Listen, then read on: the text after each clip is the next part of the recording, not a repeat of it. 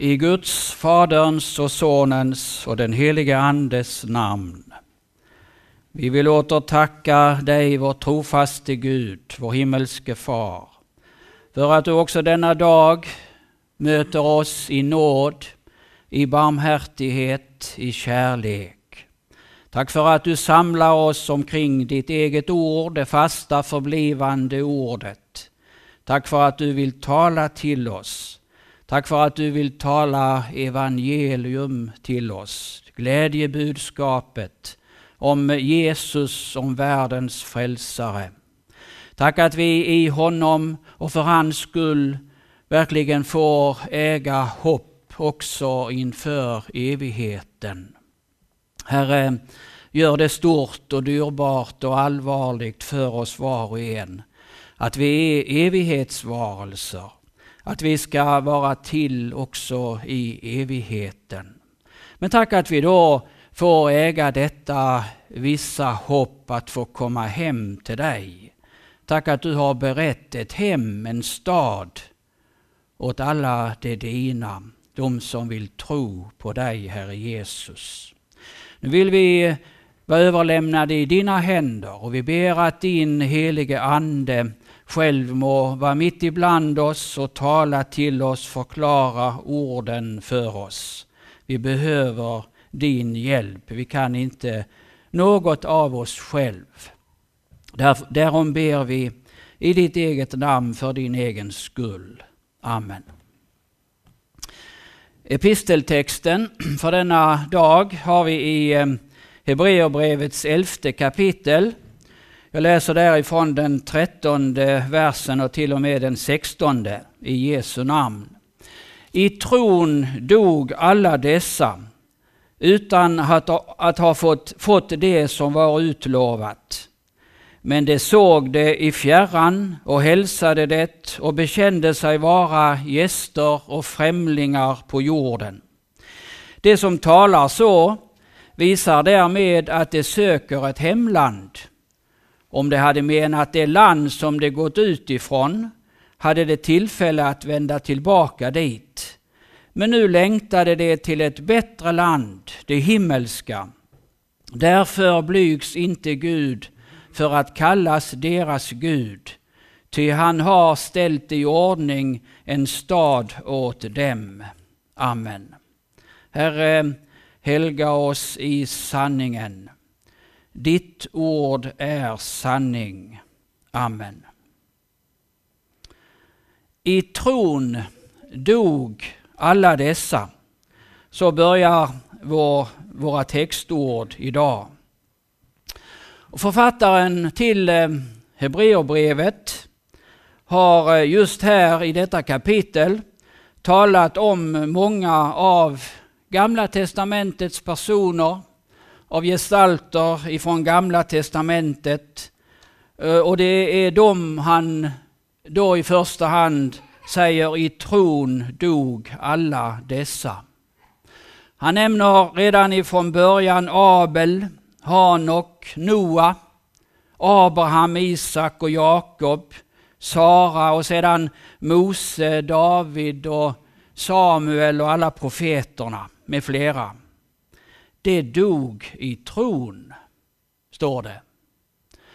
Och då kan vi ju ställa oss frågan vad egentligen är tron?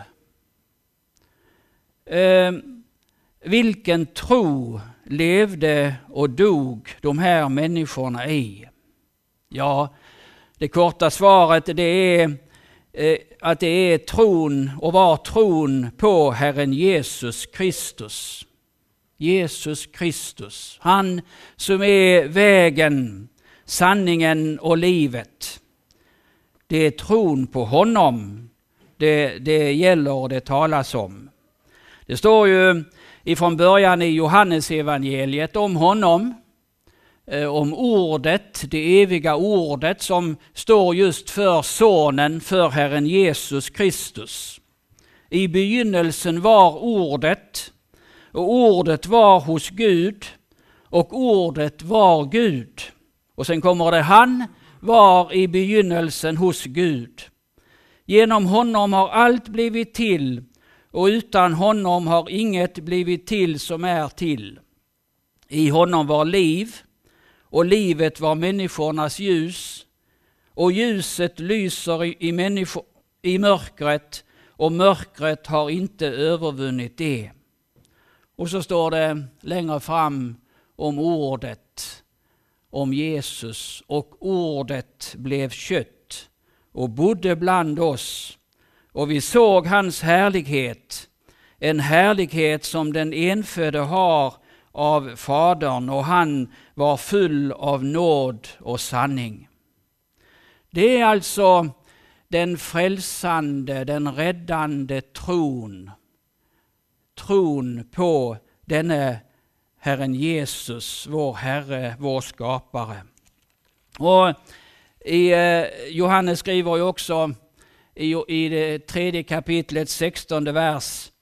Ty så älskade Gud världen att han utgav sin enfödde son för att var och en som tror på honom inte ska gå förlorad utan ha evigt liv.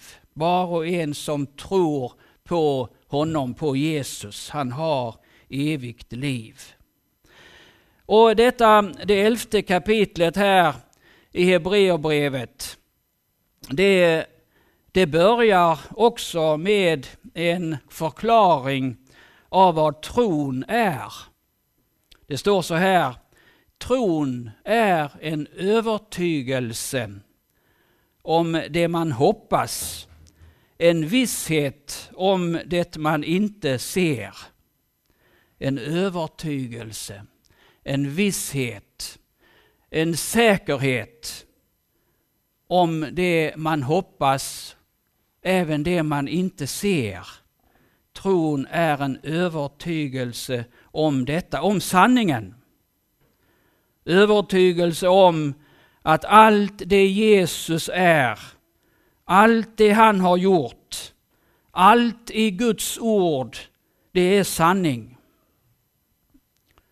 Och har vi en, den tron som eh, människorna här hade under det gamla testamentets tid, de som vi har räknat upp här.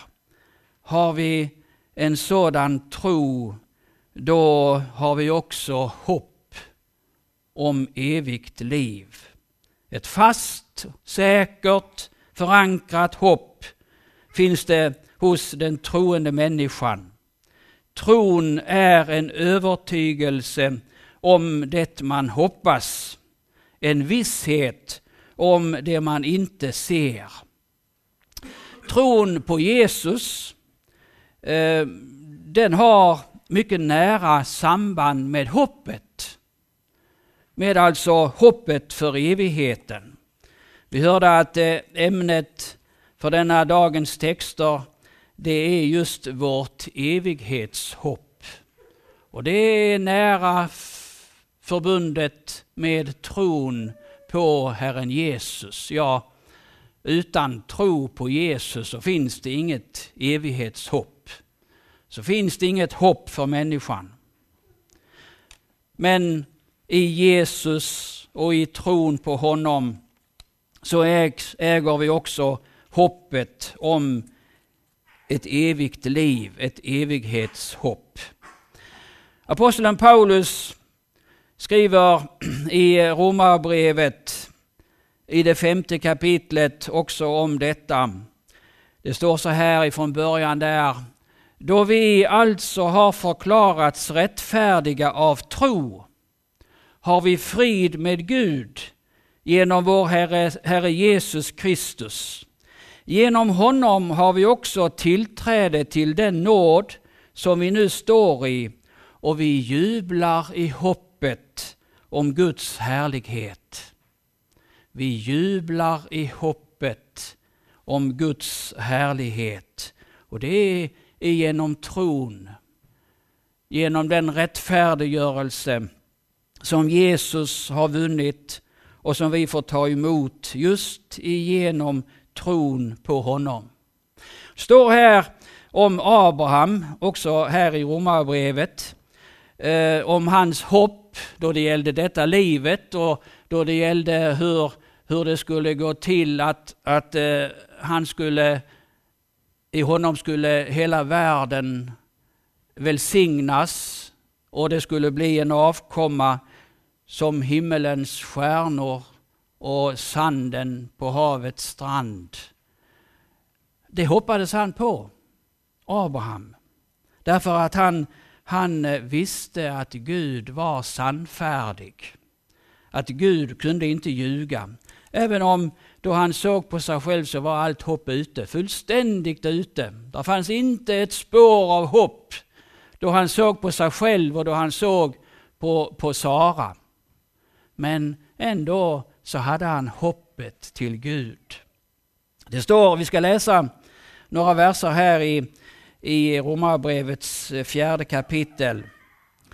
Eh, jag börjar på den artonde versen. Där allt hopp var ute trodde och hoppades han att han skulle bli fader till många folk som det var sagt. Så talrika skall dina efterkommande bli. Han sviktade inte i tron då han tänkte på att hans egen kropp saknade livskraft. Han var då omkring hundra år och att Saras moderliv var dött.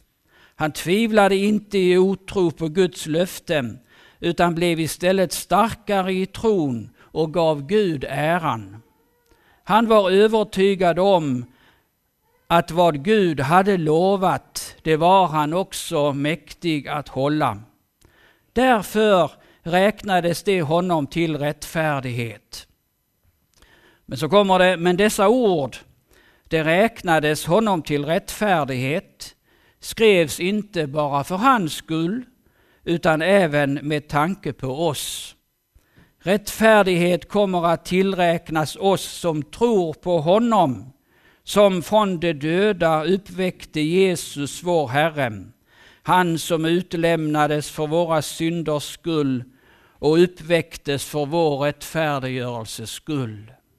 Så vi kan se på Abrahams tro och så kan vi liksom tillämpa det när det gäller också vårt evighetshopp. Eller Abrahams hopp skulle vi säga. Det kan vi också tillämpa när det gäller vårt evighetshopp. Visst har alla Guds barn, alla de som vill tro på Herren Jesus, visst har de och vi anledning att, eh, att eh, jubla i hoppet. Att sjunga lovsånger, att prisa Gud och lova hans heliga namn när han har ställt det så väl för oss syndare. Ytterligare eh, i Romarbrevet ska vi läsa ifrån det femtonde kapitlet något. Det står så här. Ta därför emot varandra så som Kristus har tagit emot er till Guds ära. Vad jag vill säga är att Kristus har blivit de omskurnas tjänare för att visa att Gud är sannfärdig och bekräfta löftena till fäderna. Och att hedningarna har fått prisa Gud för hans barmhärtighet, som det står skrivet, därför vill jag prisa dig bland hedningarna och lovsjunga ditt namn. Vidare heter det, gläd er, ni hedningar, tillsammans med hans folk. Och på ett annat ställe, Lova Herren alla hedningar, prisa honom alla folk. Och vidare säger Jesaja, ett skott av Isais rot, han som står upp för att regera över hedningarna, på honom skall hedningarna hoppas. Må hoppets Gud uppfylla er med all glädje och frid i tron, så att ni överflödar i hoppet genom den heliga Andes kraft. Här har vi det åter och åter. Hoppets Gud må uppfylla er med all glädje och frid i tron. Alltså finns det, som det också står i Hebreerbrevets fjärde kapitel, alltså finns det en sabbatsvila kvar för Guds folk. Därför att Jesus har vunnit det. Därför att han har berett en sådan vila åt var och en som tror på honom. Där allt eget hopp, där alla egna förtjänster, precis som det var för Abraham, där de liksom har tagit slut alltihop. Där, där får vi hoppas och den får hoppas på Herren Jesus och så äga denna sabbatsvila, detta hem i himmelen. Så var det för trons människor eh, i Gamla testamentets tid. Och det är så också för oss idag. För var och en som vill tro på Jesus, han som är frälsaren för världen, också för oss. I allhelgonatid, som vi nu är i, så påminns vi ju om det som eh, har gått före oss. Om det som har lämnat detta livet och flyttat in på evighetens område. Det förgängliga livet det är slut och så har man flyttat in i det oförgängliga, i evigheten. Och denna tid, den infaller ju nu eh, på hösten, på gränsen till vinter, då, eh, då naturen den liksom går i dvala. Och det kan vara också det en bild av detta livet, av vårt liv här i, i denna världen. En kort tid lever vi här. En kort tid då det blomstrar och växer, då barnen växer till och så en liten tid så är det förbi och så blir vi gamla och så är våra barn och barnbarn vuxna. Så har det gått ett människoliv. Så vissnar det ner igen. Vi läser ju i den 103 salmen eh, ifrån den eh, 15 och 16 versen kan vi läsa En människas dagar är som gräset. Hon blomstrar som markens blommor. Vinden drar fram över dem och det är borta. Deras plats känner dem inte längre. Har du tänkt på det, vad där står egentligen? Deras plats känner de inte längre. Alltså platsen där du har levat, där du har kämpat, där du har arbetat, där du har haft dina glädjeämnen och också dina sorger, bekymmer och nöd. Inte ens platsen ska minnas att du har varit här en kort tid. Så förgängligt, så ovaraktigt är människolivet för oss var och en. Och då, då är det ju oerhört viktigt för oss alla om det kan sägas om oss som det sades om de här människorna att det dog i tron. I tron dog alla dessa som vi läste, utan att ha fått det som var utlovat. Men de såg det i fjärran och hälsade det och bekände sig vara gäster och främlingar på jorden. Tänk om vi ändå får ha det så. Och det får vi verkligen i Jesus, då vi har honom. Gäster och främlingar, men så får vi se fram emot evigheten, emot det eviga livet. Inte här på jorden får vi det utlovade, det fick inte de här, utan i det himmelska. Gäster och främlingar här. Att vara gäst hos någon eller på något ställe, det är ju väl oftast något positivt. Det är ju så för en gäst att eh, eh, den blir ju ofta väl mottagen och får ibland bättre än husets folk. Men ändå så är det ju något tillfälligt. Något som eh, snart går förbi, att vara gäst. Man är inte hemma då man är en gäst någonstans. Och så om vi tänker på främling, att vara främling. Det är inte något positivt i det. Utan tvärtom. Vi kan tänka på flyktingar, invandrare. De har fått, måste lämna det förflutna. De har måste lämna det som var deras och lever ofta hemlösa i ett främmande land. Det är något av att vara en främling. Och så, så är det också för oss, vi som tror på Jesus Kristus i denna världen här. Det som inte har sitt allt i denna världen, utan ser efter något annat, något bättre, ja, då är det att vara gäst och främling här.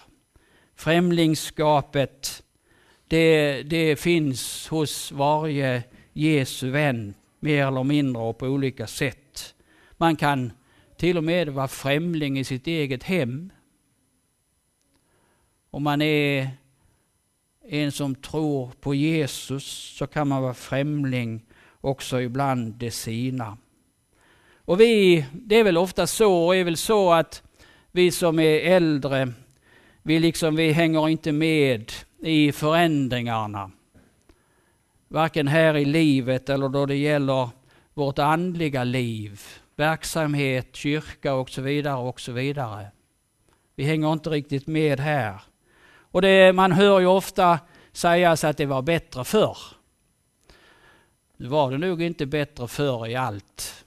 Men det kan upplevas så för, för oss att det var bättre förr. Och så är man en främling.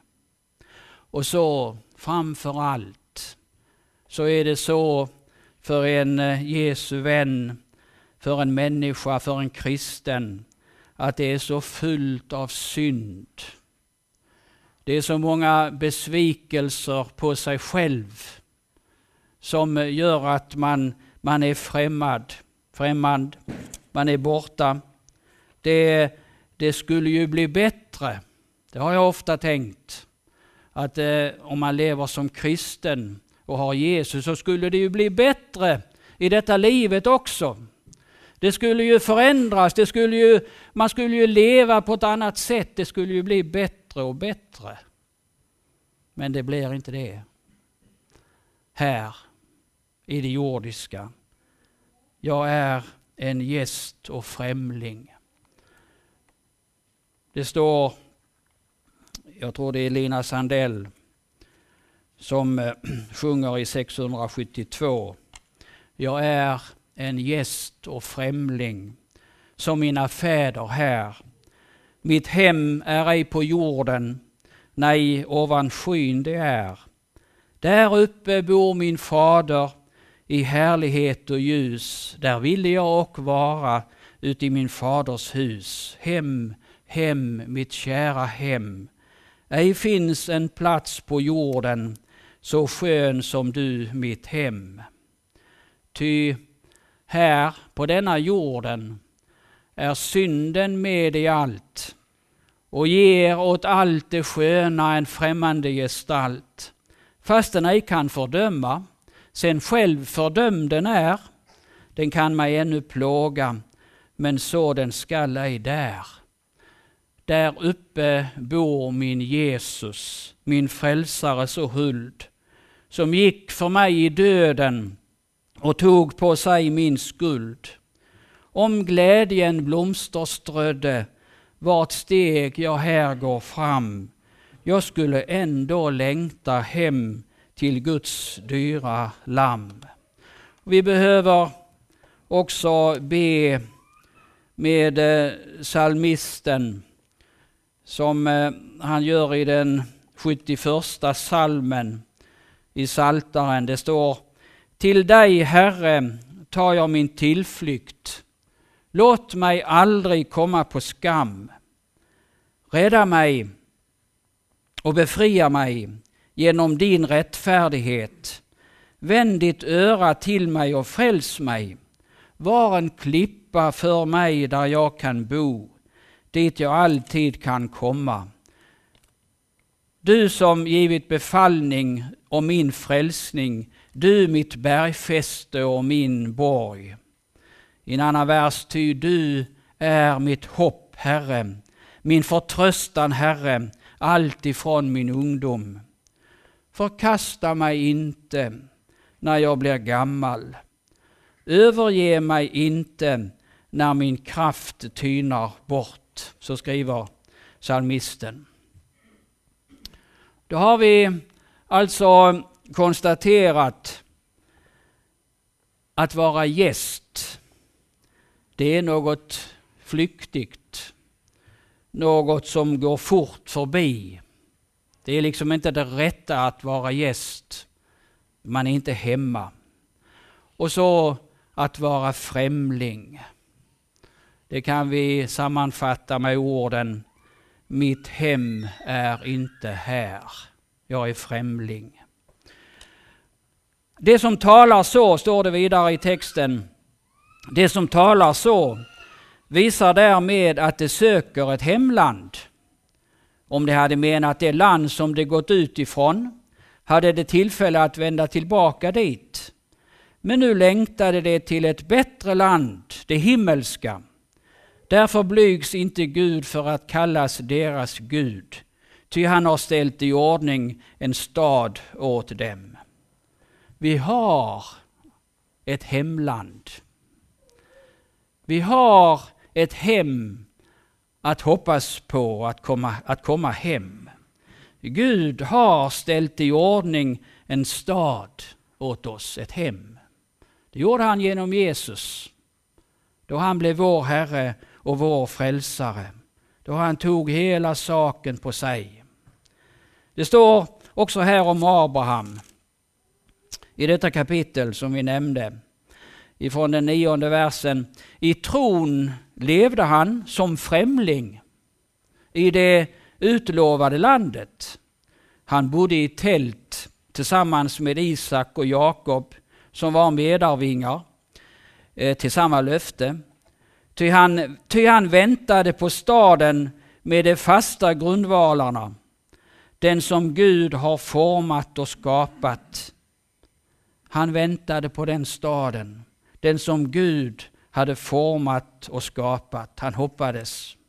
Och Paulus, om vi går till Paulus, så skriver han i, i Filipperbrevet eh, det sista brevet han skrev i fångenskapen, då det närmade sig också för honom att lämna detta livet och flytta in i evigheten. Det står så här i Filipperbrevet 3.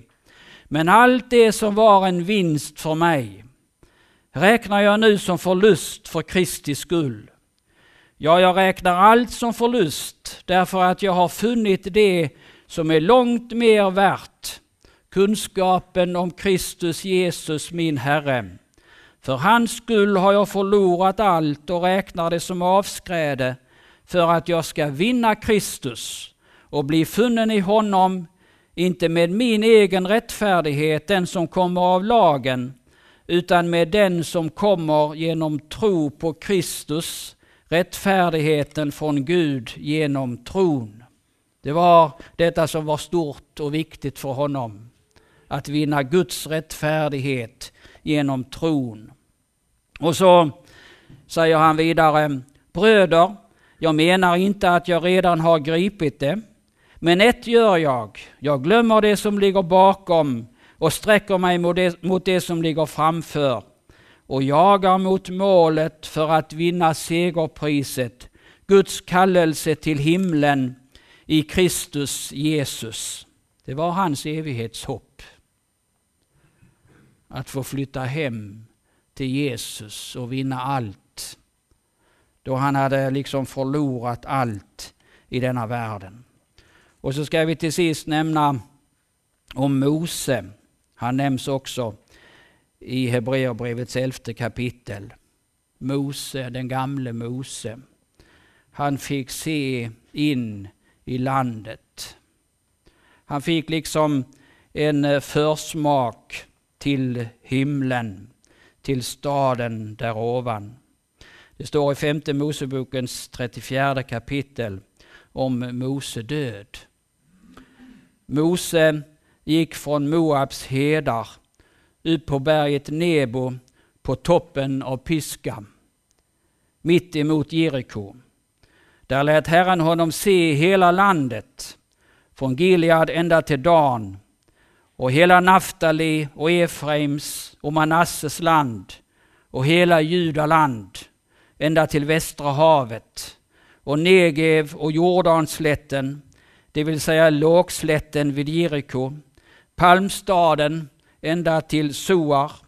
Och Herren sa till honom, detta är det land som jag med ed har lovat åt Abraham, Isak och Jakob när jag sade, åt dina efterkommande skall jag ge det.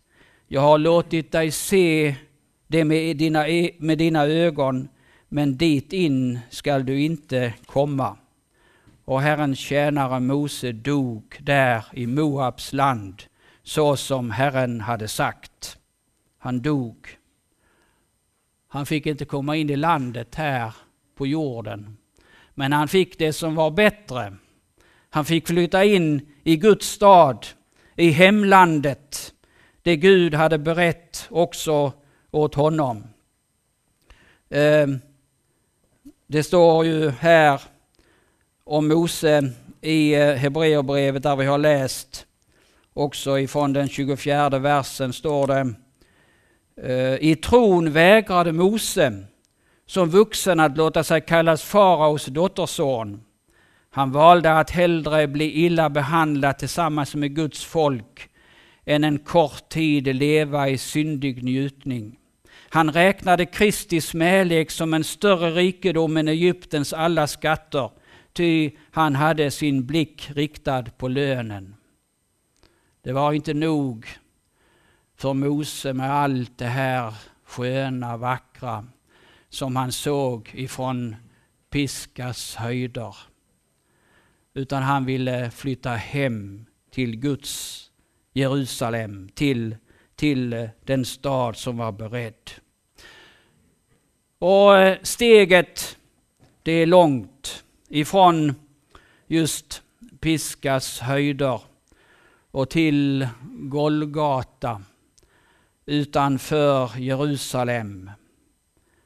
Där som eh, tre brottslingar var upphängda på korsen.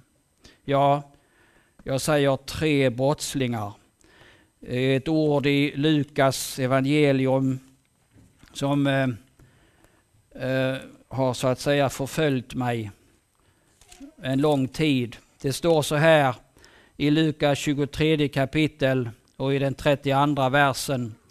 Två andra brottslingar fördes också ut för att avrättas tillsammans med honom, med Jesus. Två andra brottslingar. Också Jesus var inför Gud brottslingen. Han som bar allas synder. Alla, hela världens syndaskuld låg på honom.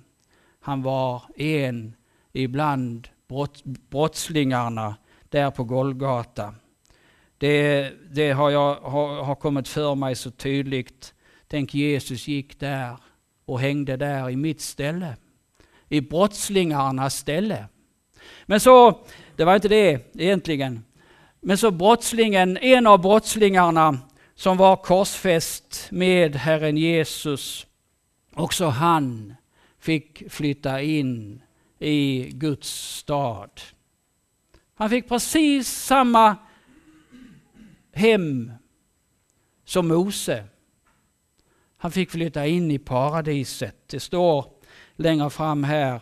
Han säger, vår dom är rättvis. Det sa han till den andra brottslingen. Vi får vad vi har förtjänat, men han har inte ett ont gjort. och han sa Jesus, tänk på mig när du kommer i ditt rike. Och Jesus svarade honom, Amen, sannerligen säger jag dig, idag ska du vara med mig i paradiset. Han fick komma hem, brottslingen, syndaren. Då han vände sig till Jesus, då han trodde på honom, så hade han också hopp. Och det hoppet det, det blev fort eh, tillfredsställt. Det gick fort i uppfyllelse. Hoppet för honom att vara hemma i paradiset. Axel B eh, tolkar sitt evighetshopp och sin längtan att få komma hem i ett par sånger som jag ska sluta med här. Nummer 664. Om min Herre Jesus som på korset dog, gjorde det för alla och betalte nog. Då har också jag, som är arm och svag, rätt att ännu hoppas att få komma hem till vår Guds Jerusalem. Och jag ser i ordet att han gjorde det. Att för mig han vandrat sina tunga fjät. Intet återstår, trygg jag vila får vid hans ord och hoppas att få komma hem till vår Guds Jerusalem. Jag är trött av vägen och dess myckna ve. Synden vill mig hindra att på Jesus se. Sömnen griper mig, mörkret vidgar sig. Herre, mig bevara. Tag och bär mig hem till vår Guds Jerusalem. Och så i nummer 700, det är också Axel B, som hade liksom längtan att få flytta hem till Guds paradis. Där skriver han så här. Till paradis min andes trånad står. Från jordens vintrar till en evig vår. Till evig fröjd och evig jubelsång. Från allt som här har gjort mig vägen lång. Jag är ej född till sorg och möda blott. Nej, jag är ämnad åt en bättre lott. En tron jag har, en krona väntar mig. O paradis, jag längtar hem till dig. Min pilgrimsfärd till paradis är slut. Om några år, ja kanske långt förut. Och sedan torkas alla tårar av och syndens kropp får multna i sin grav. Men så, så kommer liksom bönen till slut här. Han var ändå bekymrad hur det skulle gå i denna onda och farliga värld. Så säger han, i ökensanden mången pilgrim dött. Bland törnesnåren månget får förblött och tjuven stulit mången krona bort. Min pilgrimsfärd, ack, att du vore kort. Men så en vers till som inte finns i Lova Herren, men som finns ibland Axel B's dikter. Det står det så här, dock, varför bäva? Livets furste går invid din sida genom nattens snår. Och sist vid dödens mörka kalla älv, han tar mig upp i famn och bär mig själv. Amen. Vi vill eh, be tillsammans Herrens bön. Fader vår som är i himmelen. Helgat var det ditt namn. Tillkomme ditt rike Ske din vilja, så som i himmelen, så på jorden. Vårt dagliga bröd giv oss idag och förlåt oss våra skulder, så som och vi förlåter den oss skyldiga är. Och inled oss inte i frestelse, utan fräls oss ifrån ondo. Ty riket är ditt och makten och härligheten i evighet. Amen. Herren välsigne oss och bevare oss. Herren låter sitt ansikte lysa över oss och vare oss nådig. Herren vände sitt ansikte till oss och give oss frid. I Guds, Faderns och Sonens och den helige Andes namn. Amen.